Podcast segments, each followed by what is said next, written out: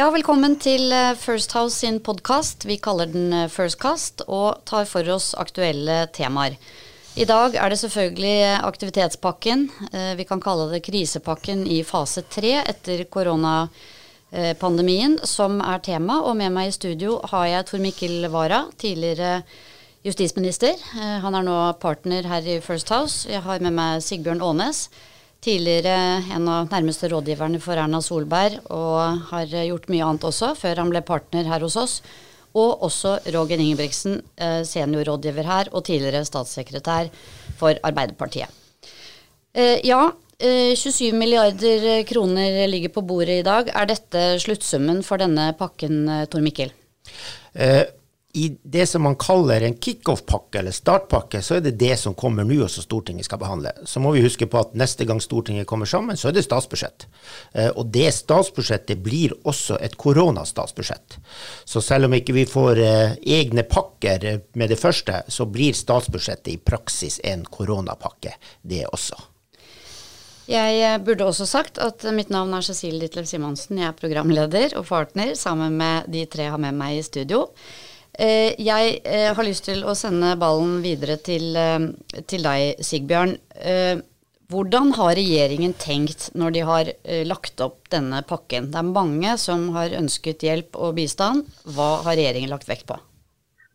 Det viktigste er å få aktivitet i gang raskest mulig.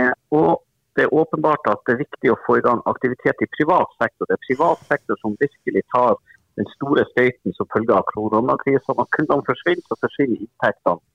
Eh, så her skal man ha i gang aktivitet raskt. Eh, tiltak skal helst også være midlertidige eller engangskostnader. Eh, så, så, Det man ser av denne pakken er at her er det mye til privat sektor, og det skal gi rask aktivitet. Så skal vi huske at det som er spennende nå, er at 27 milliarder er prislappen på det regjeringa la fram i dag. Men når man hører opposisjonen sine reaksjoner, så er det tydelig med en gang at sluttsummen på dette, denne pakken blir ikke 27 milliarder, den kommer til å bli en del høyere. Og, og det er når SV, Senterpartiet, Arbeiderpartiet, Frp skal ha gjennom sine kjepphester i dette, eh, og alle skal få sitt, så blir prislappen høyere, og flere kommer til å få mer. Så her blir det en kamp framover mellom ulike bransjer for å, for å få opposisjonen til å fremme deres interesser. Og dette må vi vel anta at regjeringen har tatt høyde for når de har lagt frem eh, den rammen som, som ligger der nå? Sigbjørn? Ja, det, de, det er klart de har, de har, tatt høyde for dette. Samtidig så har det nok vært viktig for regjeringa å presentere sin pakke på en måte som, som både skal bli tatt godt imot eh, innenfor de ansvarlige rammene man hele tida må tenke på når man sitter i regjering. Eh, så, så, det er ikke noe tvil om at her har, har, man lagt fram noe man tror på. Det ser man også når de eh, har fremma reduksjoner i formuesskatt på arbeidende kapital. Noe som kanskje blir ekstra spennende. for Det er ikke vanskelig for disse partiene fra SV til Frp å bli enige om å bruke penger på noe. Men det blir nok spennende å se hvordan det blir tatt imot når det også kommer ut forslag om reduksjon i formuesskatten. Det blir ikke like enkelt. Men de regjeringa er nok klar over, eh, og svarte også allerede i dag på at de ser, skjønner at pakken blir dyrere. Og det kan være at opposisjonen også har gode ideer som fortjener god plass. Noe av det som eh, helt klart har vært forventet, eh, har vært bidrag til å få i gang eller forsere store infrastrukturprosjekter. Der har bygg- og anleggsnæringen, vet vi, spilt inn helt konkrete forslag til hvilke prosjekter man kan sette i gang for å få i gang økt aktivitet. Men der er det kommet lite. Hva tror du grunnen eh, er til det, Sigbjørn? Nei, det er, det er vanskelig å svare på. Der er jo noe på infrastruktur på, på, på bl.a. jernbane, men det er mye på bygg. Det kan være at eh, regjeringa vurderer enten at uh, veiprosjekter kan ta lengre tid å komme i gang, vet ikke. Men det kan også være at her ser de at, og skjønner de at opposisjonen kommer uansett til å komme en del krav. Og Da vil man likevel måtte bli enige om den lista på hvilke prosjekter som eventuelt skal prioriteres i Stortinget. Så, så, jeg vil tro at den lista har man i hvert fall oversikt over når man starter forhandlingene i Stortinget.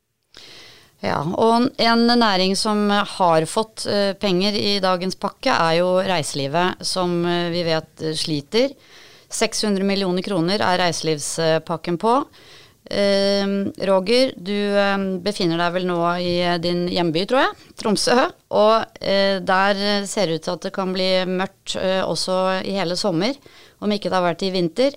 Hva skal kommunene gjøre nå for å kjempe til seg midler fra denne pakka?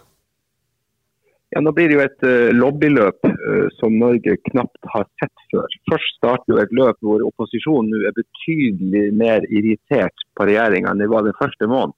Første måned var det jo veldig vennligsinna tone. Alle ville være enige. Det lønte seg å være enig. Nå blir det en mye tøffere tone, mye tøffere opposisjon. Og det kan godt at opposisjonen også kommer til å øke den reiselivspakken fra 600 millioner opp mot 1 milliard. Fordi at det er nesten ingen som blør verre enn norsk reiselivsnæring. Hurtigruten ligger til kai, flyene står på bakken, hotellene er tomme.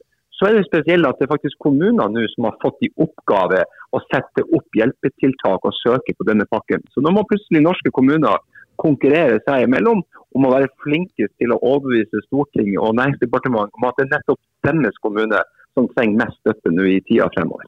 Og de kommunene som blir vinnerne her, hva vil, hva vil oppskriften være der, tror du? Det tror jeg er de kommunene som umiddelbart går i dialog med sin egen reiselivsnæring, og at de sammen går til Stortinget og eh, Næringsdepartementet og sier at vi i Tromsø eller vi i Lofoten eller vi i Bergen vi har lyst til å gjøre disse tre tingene. Det handler om å holde folk i arbeid og aktivitet. Det handler om å forberede seg til 2021, når turistene skal komme tilbake. At man da er i toppslag og er i stand til å være en ledende reiselivsdestinasjon. Så Det er ikke nok å bare gi passiv lønn, men man må utvikle sin opplevelse, sin reiselivs virksomhet for å faktisk bli en del av disse pakkene. Noe av det som også kom i pakken i dag, er jo um, både forlengelse og gradvis nedtrapping av kontanttilskudd til bedriftene, men også lønnstilskudd eh, for å heller få folk i arbeid enn å betale for at de er permittert. Eh, hvilke tanker har regjeringen eh, gjort seg her, Tor Mikkel? Altså, regjeringen sier sjøl at de liksom bruker tre prinsipper, og så kan man liksom ta nesten hvert tiltak og få det til å passe inn i det.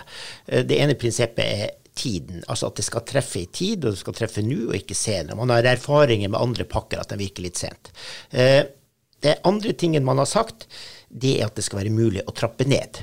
Og det man nå ser på, det er en måte å trappe ned fra den tradisjonelle permitteringsordningen og kontantstøtteordningen og gjøre dette gradvis. Så Det er altså det midlertidighetsprinsippet man har lett etter. og Her har man fått en del råd fra ulike eksperter. Eh, for å sørge for at ikke folk blir si, fast i en arbeidsledighet eller permitteringsfelle. Så skal man ha dem, lirke dem tilbake i, i det her.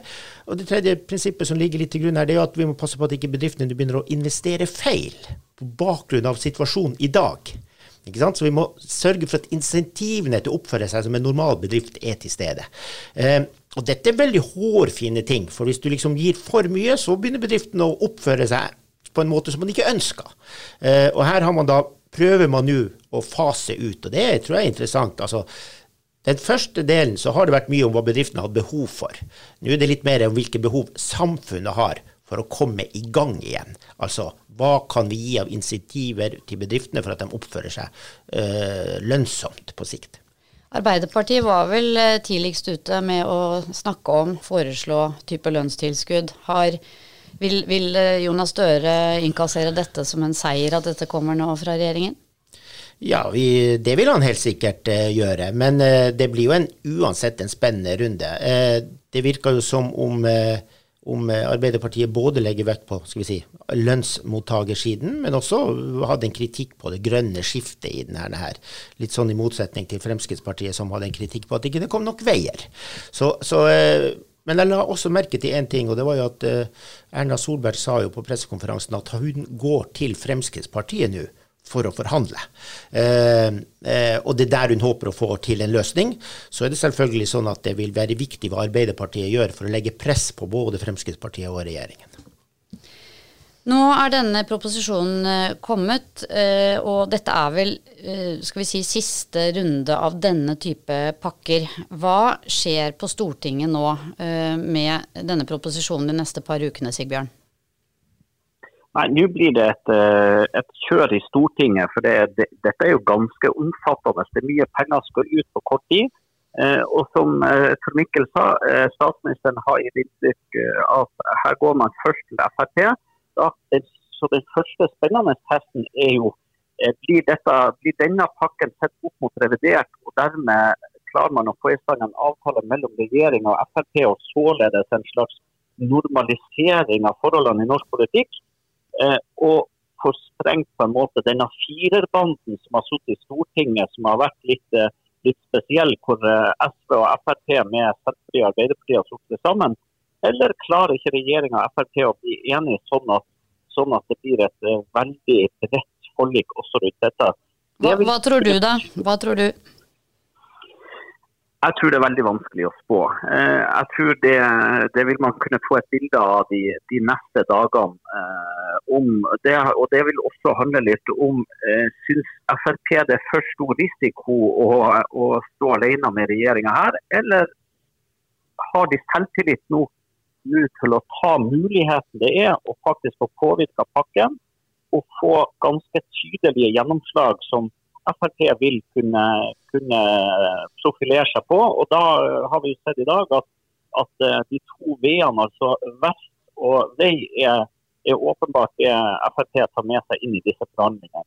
Hva tenker du, Tor? Det, det er gode saker for Frp. Jeg har lyst til å spørre Tor Mikkel også. Det er ikke så lenge siden du representerte Fremskrittspartiet i regjeringen. Hva tenker du om det? De vil prøve å få til en enighet med regjeringen, tror, tror jeg. Vi må huske på at det er fire litt store saker eh, i Stortinget akkurat nå, sett fra Fremskrittspartiets øyne. Det er revidert nasjonalbudsjett, det er denne tiltakspakken vi snakker om nå. Men det er også oljeskatt og det er iskant. Og Det første spørsmålet Fremskrittspartiet må gjøre, det er å stille seg spørsmål om vi skal se alt i sammenheng, eller forhandle delvis. For det er klart at på en del av de spørsmålene der, så har nok kanskje regjeringen litt lyst til å snakke med, med Arbeiderpartiet, og så har den lyst til å snakke med Fremskrittspartiet og andre ting. Og her må Fremskrittspartiet velge en strategi først. Men jeg tror nok at i utgangspunktet så ønsker Fremskrittspartiet å forhandle så langt som mulig med regjeringen. Men det er mange saker som skal opp nå uh, i løpet av de neste ukene. Roger, du har jo bakgrunn fra Arbeiderpartiet og um, kjenner jo Jonas Støre og partiet godt. Hva eh, tenker du at eh, Arbeiderpartiet, hvilken strategi vil de legge nå de neste par ukene? Jeg tror det vil være veldig lurt for regjeringa å diskutere med Fremskrittspartiet. For det blir mye vanskeligere for regjeringa å få støtte fra Arbeiderpartiet og Senterpartiet i, i fase tre enn det var i fase én og fase to. Nå tenker Arbeiderpartiet stortingsvalg i 2021. Nå tenker Arbeiderpartiet profilering på sine kjernesaker. Det å gå i en større forlik med regjeringa nå er lite attraktivt uten at det legges på minst 10 milliard. Så jeg tror Arbeiderpartiet nå kommer til å kjøre ordentlig opposisjonspolitikk både i revidert nasjonalbudsjett og nå i denne tredje fasen av krisepakkene.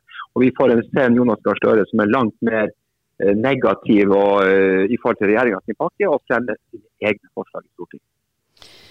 Eh, vi har jo sett eh, en del næringer og også enkeltbedrifter som har fått hjelp gjennom disse ulike pakkene. Men eh, mange føler nok også at de har tapt denne kampen så langt.